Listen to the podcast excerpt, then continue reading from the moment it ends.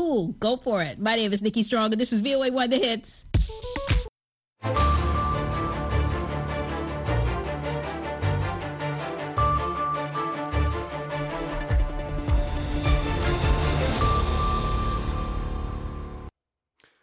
halkani waa washington laanta afka soomaaliga ah ee v o a oo ad ka dhegaysanaysaan mawjadaha gaagaaban hirarka fiimada geeska africa iyo caalamka oo dhan oo aad naga dhegaysanaysaan bogga v o a somaly com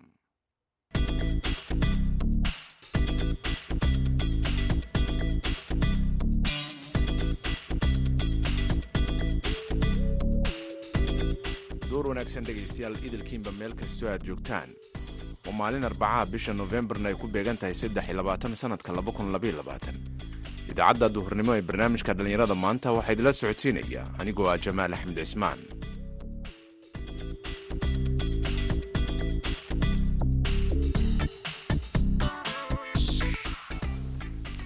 qodobada aad ku dhegaysan doontaan idaacadda duhurnimo ee barnaamijka dhallinyarada maanta waxaa ka mid ah warbixin ka hadlaysa gabdho si mutadawacnimo ah. Magaalada laascanood ugu bara gabdhaha kale ee halkaasi ku dhaqan xirfado ay ku shaqaysan karaan. Hablaha waxaanu barnaa alaaba xirfadaha iyagu u baahan yihiin ay doonayaan baanu barnaa. Xirfadaha waxaa ka faa-iideysta dhammaan haweenka qaybahooda kala duwan sida hooyooyinka iyo hablaha. Sidoo kale waxaanu barnaa xirfadahan dadka aan soo marin waxbarashada aas-aasiga ee reermiyiga ee xooluhu ka soo dhammaadeen waxaad kaloo dhegaysan doontaan sidoo kale warbixin ka hadlaysa magaalada boosaaso oo lagu qabtay kulan dadka magaaladaasi iyo deegaanada kale puntland ku dhaqan lagu barayay sida ay bulshadu ugu adkaysan karayso dhibaatooyinka abaaraha. Ciyaarihii koobka kubadda cagta adduunka ayaad sidoo kale dhegaysan doontaan heesahana barnaamijka kama marna intaas oo idilse waxaa ka horeynaya warkii dunida ee dhegaystayaal ku soo dhowaada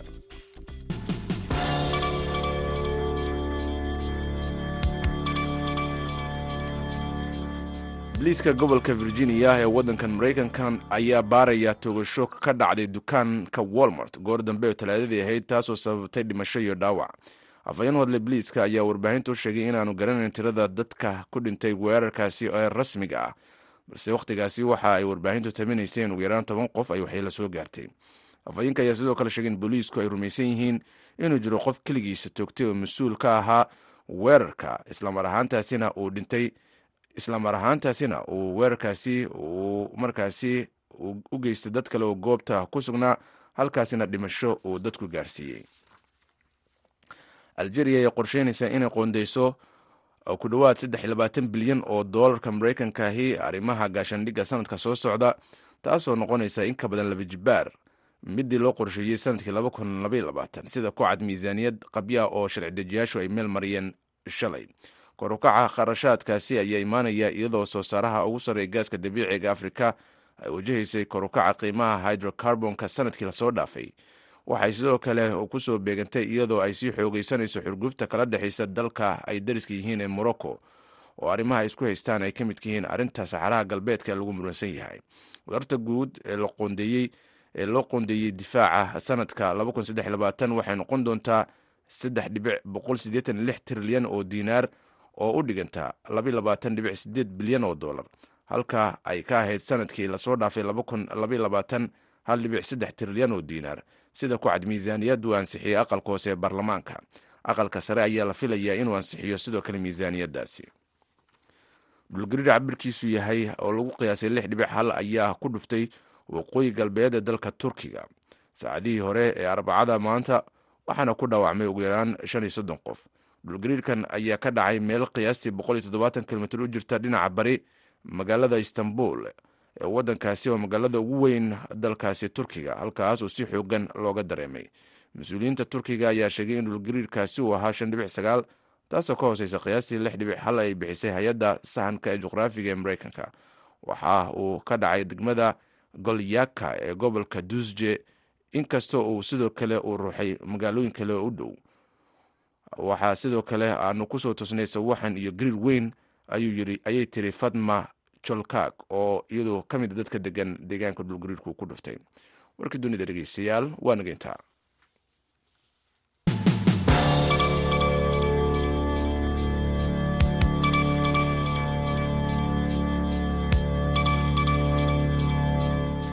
duur wanaagsan. Halkaad warkaas ka dhegeysaneyseen waa v o a. Aynu gudagalno qodobada idaacadda duurnimo ee barnaamijka dhalinyarada maanta idinkugu hayo laascanood gabdho dhalinyaro ah oo la baray xirfado ay ku shaqaystaan ayaa waxa ay soo dhoweeyeen arrintaasi iyadoo gabdho kale oo isla kuwa magaaladaasi ku dhaqan ah ay arrintani u istaageen.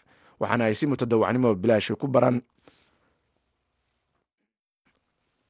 anirada waxaana ay si mutadawacnimo bilaash ay dhalinyaradaasi gabdhaha ay ku baraan gabdhaha kale ee u baahan xirfadaha ay ku shaqaysan karaan. Sida warbixintan uu ku faahfaahinaya wariyaha v o a cabdikariin ol magaalada laascanood waxaa ku yaalla qeybo kala duwan haweenka gobolka sool lagu tababaro dhowaantan ayaa boqolaal haweena in badan dheganaya ay ka qalinjabiyeen xarunta tababarka ee haweenka ee rasmi qeybaha kala duwan ee gabdhaha hooyooyinka iyo kuwa iyagu doonaya noloshooda ku maareeyaan. Maamulaha iyo aasaasaha xaruntani saynab axmed garaad soofe sidoo kale waxyaabaha kala duwan ee xirfadaha ee haweenka ay baraan. Bismillaah asalaamu calaykum waraxmatullahi tacaala wabarakaatu xarunta waxaa aasaasnay aniyo inan kale. Xarunta waxay furan tahay muddo sanad ah xarunta muddada ay furan tahay waxaa xirfadaha kala duwan ee xarunta bixiso qaatay. Arday gaadhisa laba boqol iyo konton. Hablaha waxaanu barnaa alaaba xirfadaha iyagu u baahan yihiin ay doonayaan baanu barnaa. Xirfadaha waxaa ka faa-iideysta dhammaan haweenka qeybahooda kala duwan sida hooyooyinka iyo hablaha. Sidoo kale waxaanu barnaa xirfadahan dadka aan soo marin waxbarashada aas-aasiga ee reermiiga ee xooluhu ka soo dhammaadeen. Xirfadahaan bixina waxay ka kooban yihiin sida cilaanka maykaabka decoration fuol oo kala baxaa stateka miiska gaadhiga sida loo sharaxo warqadaha iphonka gacanta laga sameeyo xafiisyada iyo guryaha lagu qorxisto xirfadahaan bixine kale waxaa ka mid a sida cuntada keega gaaro sida loo sameeya macmacaanka. Waxaad ii sheegtay in gabdho badan ay idiin yimaadaan bal ka waran siday u daneynayaan inay xirfad bartaan si ay noloshooda u maareeyaan maadaama shaqala-aantuna aada u badan tahay farsamada gacanta ee haweenkuna yaqaanin gobolka sool ee aada u hooseyso walaahi gabdhuhu markay ku yimaadaan waxay wada xiiseynaya inay xirfadihii bartaan.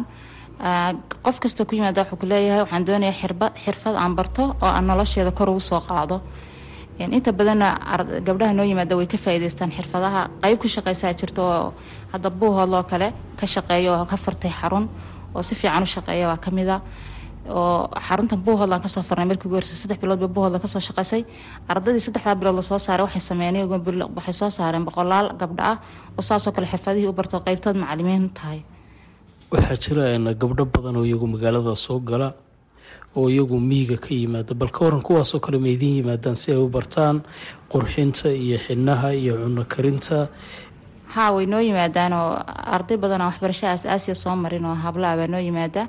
Waxayna ka faa-iideystaan xirfadaha aan dhigno dhammaantooda ka faa-iideystaan waxaa jirta oo kale dad aan danyara oo aan wax awoodin xirfadahaas inay xataa iska bixiyaan oo aan anagu u faa-iideyno oo ardada sanadka meesha furan tahay ardada firiiga ku dhigatay cilaanka oo kale waxay gaadhaysaa ilaa lixdan arday oo aanu firiiga ku siinay xirfadda cilaanka. Haddadan way dhigtaan ilaa tobaneeya arday baa ka mid a ardada dhigata oo danyarahoo dad noo keenay. Anagu maanaan doonan laakiin inta badan dad baa noo keen keena. Walaa culeyskeeday leedahay haddana anagu markaanu anaga waxaa naga sii culus qofka naloo keena gabadh yaroo miskiinoo dhibaatooyin noocyo badana marka qofka waalidka noo keena ama qof qaraabadeeda noo keena inuu dhaho. Arrintaasaa jirta aniga fiigu ma awoodo ma ka caawin kartaa inaad adinku xiisada aad xiisad xiisadihiina kamida bartaan. Waanu aqbalaa dhib kasta ha ahaato haddana waanu aqbalaayo waxaa anaga nooga muhiimsan inaan soo saarno qof berita isku filaada intaas anaga muhiimadeeda waa intaas weeyaan sidoo kale gabdhahan halkan kula kulanay waxaa ka mid a dheeman cabdiqaadir maxamed. Waxa ay muddo lix bilooda dhiganaysay qeybaha kala duwan ee xirfadda oo haweenka soomaaliyeed ay sida weyn u dhigtaan. Qurxinta hablaha cunno karinta ayay soo baratay. Dheeman ayaa sharaxaysa muhiimadda ay leedahay inay xirfadani muddo lix bilooda ay soo dhigato sidii looga taageeri lahaa qalabka ay ku shaqaysan lahaayeen ilaahi baa horta marka hore awalan mahad iskale marka xigta waxaan mahad celinayaa macalimiinteydii waxay soo bartay xirfado aan aada iyo aada ugu baahnaa amase aan in badan ku hambiyi jiray in aan barto. Xirfadaha aan dhigtay waxaa ka mid ah aniga makeupka oo kale sida cilaanka cunto karinta.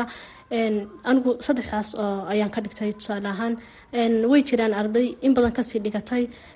Waxyaabaha marka inta ii dhiman haddii lahay idma waan dhigan doonaa waxyaabaha aan aan aada u xiiseeya anigu beriga hore waxaa ka mid ahaa farsamada gacanta waan jeclaa. Jaanis marka maan heli jirin. Markii aan arkay laakiinse arday badan oo dad ila mid ahaa oo aan isku fac ahayn oo ku shaqaysanaya ayaan jeclaaday inaan aniguna barto oo sida dee facay ugu shaqaysanaya aan ugu shaqaysto. Marka intii aad beri ka maalin oran lahayd alla haddii aan maalinta ama bisha wuxuun samayn lahaa waxaan leeyahay qof walba waqtigaaga ka faa'iidayso. Kulle anigu dad dhalinyaraa baanu nahnay oo de xirfadii dhameeyey. Marka de waxyaabahan u baahanay waxaa ka mid a inaanu qalab helo meel aanu waxyaabo aan qalabkii helo meeshii oo kale aanu helo. De waxyaabo badan baanu u baahannahay nimco yuusuf maxamed waxa ay ka mid tahay ardayda aan kula kulmay waxay ii sheegtay inay halkani xirfada ay ka baratay. Mustaqbalka waxay rajeynaysaa in nolosheeda wax ka bedesho barnaamijka dhalinyarada laanta afka soomaaliga ee v o a ayay uga warantay halkani marka ay timid iyo sida ay isu bedeshay meel kale aan cilaan ka soo marsanaynin meel kale makab ka soo marsanaynin meel kale hadda keeg u baahdo haddaan cunto u baahdo. Dhammaan xirfadaha kala duwan oo bartay oo aada fara badan aanan dhammaantood anigu markii ugu horeysa aan isku anfacay insha allahu tacaala waxaan rajeynayaa inaan halkaa ka sii wado oo ana aan noqdo sida macalimiinteeda oo kale inaan heer gaadho qof meel furi karta oo aan sida aniga wax laysoo baray ana aan bulshada wax bari karo oo aan uga faa'iideyn karo cilmigii aan bartay dhammaantiisba.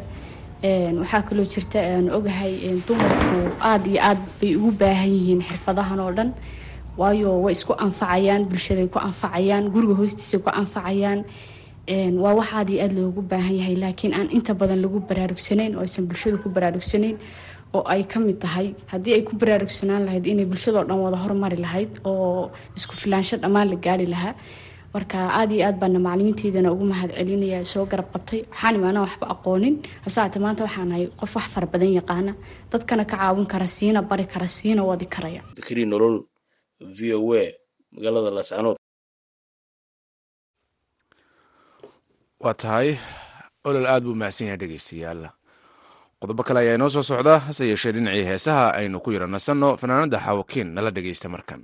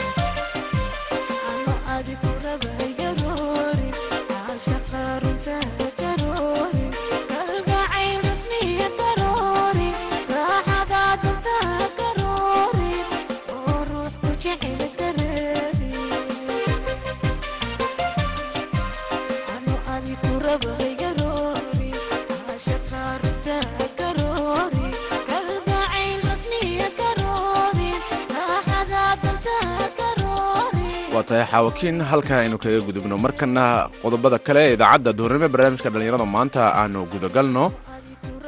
Kulan ku saabsan sidii bulshooyinka loogu wacyigelin lahaa adkaysiga abaaraha ayaa lagu qabtay magaalada boosaaso waxaana ka qaybgalay degmooyin ka tirsan maamulka puntland. Sida warbixintan uu ku faahfaahinayo wariyaha v o a yuusuf maxamuud yuusuf.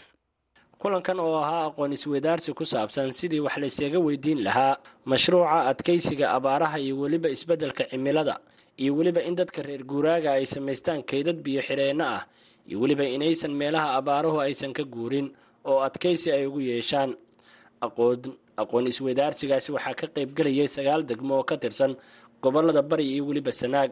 Dhalinyaro laga soo kala xulay kuwaas oo aqoontii ay barteen gaarsiin doona deegaanada ay ka yimaadeen. Inta uu socday aqoon isweydaarsigan iyo weliba ka hadalka dhibaatooyinka abaaraha ayaa waxaa la soo jeediyey in la sameeyo qorshe cad oo ku aadan ka hortegista aafada abaaraha iyo weliba in keedad biyo xireenna ay samaystaan reer guuraaga. Si dhigaal ay ugu noqdaan marka ay dhacdo abaar ibraahim cabdiraxmaan cali oo ka socda hay'adda keer oo aqoon isweydaarsigani magaalada boosaaso ku qabatay ayaan weydiiyey. Sida aqoon isweydaarsigan looga faa'iidaystay. Muddo afar sano ayaa mashruuca kan adkaysiga abaaruhu ee resilansigu uu ka soconayey deegaanada gobolka sanaag iyo bari oo hay'adda keer ka fulinaysay. Sidii markaa looga loogu loogu diyaargaroobi lahaa oo bulshadu ay ugu adkaysan lahayd abaarahaas muddada afartaa sano ah wixii la qabtay maxaa la bartay maxaa u baahan in hore hore loo sii mariyo maxaa u baahan in wax laga bedelo maxaa u baahan in la bogaadiyo ayaa ujeeddadu ahayd. Waxaana runtii aan sileenay lagu kala faa'iidaystay aqoon isweydaarsi badan oo ku saabsan meelaha mashruuc uu taargetgaraynayey ama eriaska uu mashruucu focuska saarayey diiradda saarayey oo ah beeraha xoolaha bulshada soomaaliyeed waxaa ku badan abaaraha soo noqnoqonaya marka abaarahaas waxay keenaan in dadkii meeshii ka guuraan in marka si dadkii meeshii ugu nagaadaan oo abaarta saameynteedu u yaraato ujeeddada mashruucu waxa weeyaan in dadka loo abuuro inay meesha ku nagaan karaan. Hadday biyo la'aan uga guurayeen marka abaartu dhacdo in biyihii loo sameeyo. Haddii ay uga guurayeen maxaan ku dhahay xanuunno ku dhacaya maxaan ku dhaha beerihii in laga daweeyo. Siid baa loo qaybinayay. Dawooyinkii maxaan ku dhaha baa loo qaybinayey beeraha ee cayayaanka. Sidoo kale in geedaha iyo daaqsinta la ilaaliyo oo xidhmooyin la sameeyo oo maxaan ku dhaha laga ilaaliyo waxyaabaha deegaanka ku keenaya dhaawaca si aanay dadku ugu helaan xoolahooda ugu helaan baad ugu helaan. Haddii biyo la'aan uga guurayeen wixii lala qaban karo in biyaha lagala qabto. Qaar ka mid a dhallinyarada ka faa'iidaysata ee laga soo kala xulay magaalooyin kala duwan ayaa sheegay in wixii ay ka barteen oo aqoon ah ay uga sii faa'iideyn doonaan dadka kale iyo weliba deegaanada ay ka yimaadeen. Magacaygu waa marin siciid cali waxaan ka socdaa ururka haweenka gobolka bari. Aad baan ugu faraxsanahay inaan ka qayb galo mashruuca somreb ee ay wado hay'adda keer barnaamijkaasi oo lagaga hadlayey adkaysiga abaaraha la isuguna keenay intaas oo tuulo waxaan ahaa sidii bulshada looga wacyigelin lahaa in loo adkaysto xilliga abaarta ah oo dadku meesh markii ay abaari dhacdo aysan ka guurin meeshii ee ay samaystaaneen qorshayaal. Ma tababarkii ugu horreeya qaadataa? Haa muxuu ka bedel marka fahamkaaga hore ee adkaysiga abaaraha iyo abaaraha soo noqnoqday? Wax weyn buu ka bedelay. Dee markii horeeto dadka reer guuraaga ah badanaa waxay samayn jireen dee inay meeshi ka guuraanin oo meeshii roob da'o hayaan loo galo. Marka dee fakarkaas anigana dee wa iska bedelay oo bulshadii aan ka imi waxaan gaarsiinayaa wixii aan ka bartay insha allah. Waxaan ka socdaa gobol karkaar magacayguna waa maxamed muuse maxamed barnaamijkanna waxaan ka faa'iidnay inaan isweydaarsano mashruuca kan faa'iidooyinkii iyo farsamooyinkii laga qabtay isbarasho iyo aqoontii waxyaalihii aan ka faa'iidnay wixii laga bedeli ka lahaa sidii dhibaatooyinkii ee magaranaysa la qabsiga abaaraha iyo barnaamijkaas dhammaantiisba baanu ka faa'iidnay waaya bal markaas barbarigta aqoontii hore ee adkaysiga abaaraha iyo casharada loo siiyey ka war la qabsiga abaaraha iyo casharada lay siiyey labaduba waxa weeye taydii horena aqoonteeda dee waa lahaa laakiin wax weyn baa iiga sii kordhay inaan ma garanaysaa environmentiga aan la qabsanno isbeddelka cimiladu siday isu beddelayso. Hadda iyo sidii aan u beddeli lahayn dadka iyaga habdhaqanka ay haddeer xoolaha u dhaqdaan beeraha u beertaan iyo dhammaanba adkeysiga abaaraha marka la leeyahay abaaraha soomaaliya waa soo noqnoqdeen. Dadku markay abaari dhacdo meeshay ka guurayaan meel kale ay guu aadayaan sidee lagu adkeysan karaa marka? Waxaa la rabaa in dadku ay sii diyaarsadaan sidii hore dhaqankii hore laga guuro dhaqanka haddeera inay dadku kayd sii samaystaan inay ma garanaysaa xiliyo xirmo xiliyeedo samaystaan inay dhulka rehabilitation ay ku sameeyaan oo ma garanaysaa dhulkii nabadguuray dib dib u dharayn loogu sameeyo. Waxyaalo fara badan baa laga fahmay haddeer mashruuca kan oo bulshadu ay ka fahantay iyo annaguna aanu ka fahnay marka barnaamijyada aan rabnay inaan hirgelinana waa kuwaas weeye. Waxaan rabnay haddeer inaan bilowno markaan ku sii darsado aniga fikirkeyga barnaamij la yidhaahdo darisayn oo afar tuuloba aan darisaynayno si xirmaxiliyeedka looga hirgeliyo tuulooyinkaas. Waaya waxaa rabaa sidee dadka uga faa'iideynaysaan marka markaad bulshada dib ugu laabataan? Dhammaan bulshada waxaan u qabanaynaa wacyigelin shirar badan oo u qabanaynaa heer tuulo heer degmo iyo heer gobolba. Si kastaba aqoon iswadaarsigan oo socday muddo laba cisho ah ayay kaga faa'iidaysanayeen ka qaybgalayaasha aqoon iswadaarsi ku aadan dhibaatooyinka ay reebaan abaaraha iyo weliba sida dadka reer guuraaga ah ay ugu adkaysan karaan xilliyada ay dhacaan abaaraha. Yuusuf maxamuud v o e boosaaso yuusuf aad buu mahadsan yahay dhegeystayaal markana warkii ugu dambeeyey ciyaaraha ee koobka kubadda cagta adduunka waxaana la socodsiinayaa maxamuud mascade iyo nuur xasan nuur bukhaari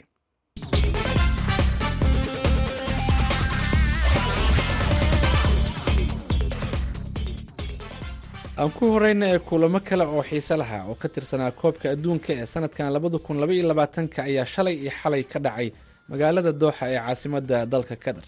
Ciyaarihii xalay dhacay waxaa ka mid ahaa mexico iyo poland oo isku mari waayey barbardhac eber iyo eber. Sidoo kale tunisiya iyo denmark ayaa eber iyo eber ku kala baxay. Waxaase ciyaar xiise leh oo shan gool la iska dhaliyay ay dhex martay xulalka kubadda cagta ee australia iyo france waryaha v o eda ee gobolka minnesota maxamuud mascade ayaa ka mid ahaa dadkii daawaday hadda ayuuna khadka ku jiraa maxamuud ciyaartii xalay ka dhacday garoonka lusayl ee magaalada dooxa natiijo noocee ah ayaa ka soo baxday. Aad baad umahadsan tahay nuur ciyaartaasi waxay ahayd ciyaar isha si weyn loogu hayay oo la eegayay waxaa xulka qaranka ee faransiisku ay la soo shir tegi doonaan. Dabcanna waxay soo bandhigeen ciyaar aada u qurux badan inkastoo gool lagala hormaray laakiin isla qaybtii hore ciyaarta laba gool oo daqiiqado isku dhow ay dhaliyeen oo lix daqiiqo ay udhexaysay ayay qaybtii hore ciyaarta ku mariyeen oo labiyo hal ay guush ay qaybtii hore ku raacday ee xulka qaranka ee faransiiska. Markii laysu soo noqdayna iyagaasi gacan sarreeyey oo sidaasi waxay ku adkaadeen afar gool iyo hal.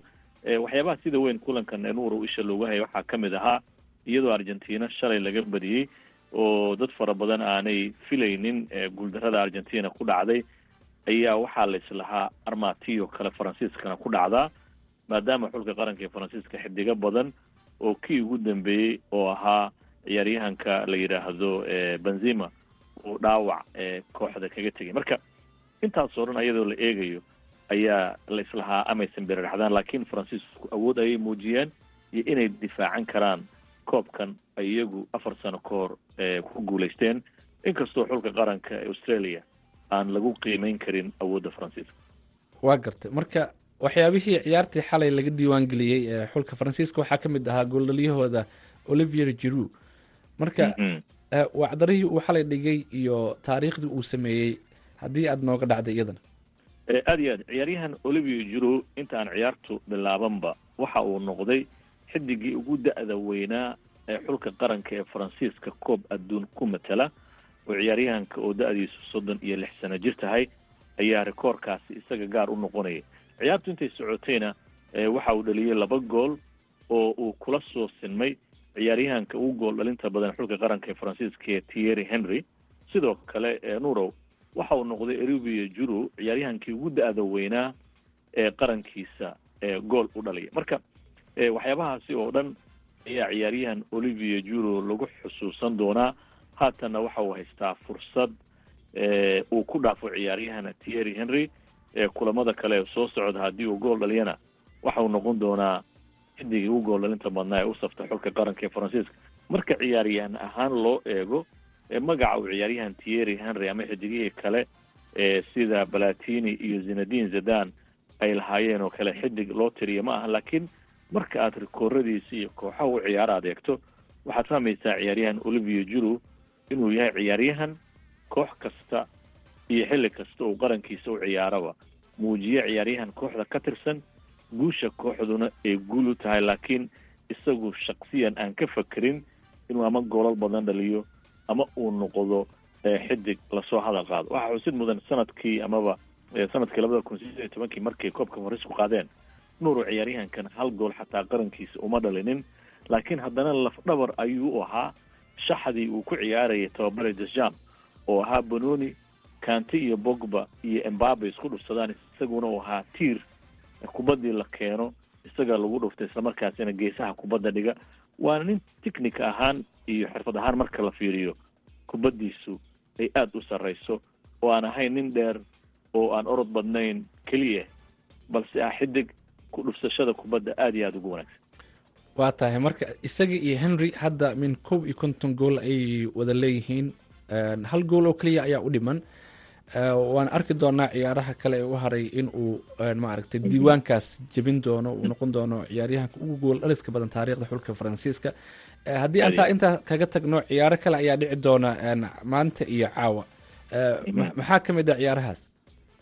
Inta aanan nuurow gelin kulamada maanta dhacaya haddaan si kooban u sheego xulka qaranka ee faransiiska mar kale dhaawac xanuun badan ayaa soo gaaray oo ciyaaryahankooda daafaca kaga ciyaara hernandes ayaa ka dhaawacmay laakiin walaalkiis hernandes ayaa isna lagu soo bedelay oo dabcan aan ka dhicin xidigaasi kulamada maanta dhacaya haddaan si kooban kugu guud maro kulanka koowaad waxa uu dhex mari doonaa xolalka morocco iyo croatia oo ka tirsan groupka f isla groupkaasi belgium iyo canada ayaa wada kulmaya. Canadana waa markii ugu horreysay muddo tan iyo sannadkii kun sagaal boqol sideetan lixda ee koobka adduunka soo qaybgalayso groupka iyo jarmalka iyo jaban ayaa kulmaya halka spain iyo costa ricana ay fooda isdari doonaan xulka qaranka ee jaban iyo jarmalka ayaana kuwan xiiso badan uu dhex mari doonaa. Waxaana isha lagu hayn doonaa nuurow haddii jarmalku wejigabixii iyo guuldaradii ay kala kulmeen sannadkii labada kun iyo sideedii labada kun sideed tobankii koobka adduunka ay taa iska difaaci doonaan iyo haddii kale waa tahay waan arki doonaa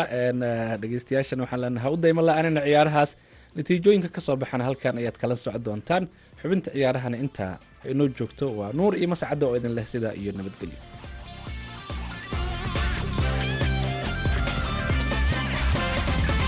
Nuur mascadda aad bay umahadsan yihiin dabcan. Kulanka hadda dhacayana waa morocco iyo croatia oo hadda qaybta nasiinada lagu jiro oo ebri ebra waana groupka f. Waxyaaba ku soo kordha idaacadeena dambe ayaad ku maqli doontaan. Dhinacii heesaha xabiibo xasan tooxuna la dhegeysta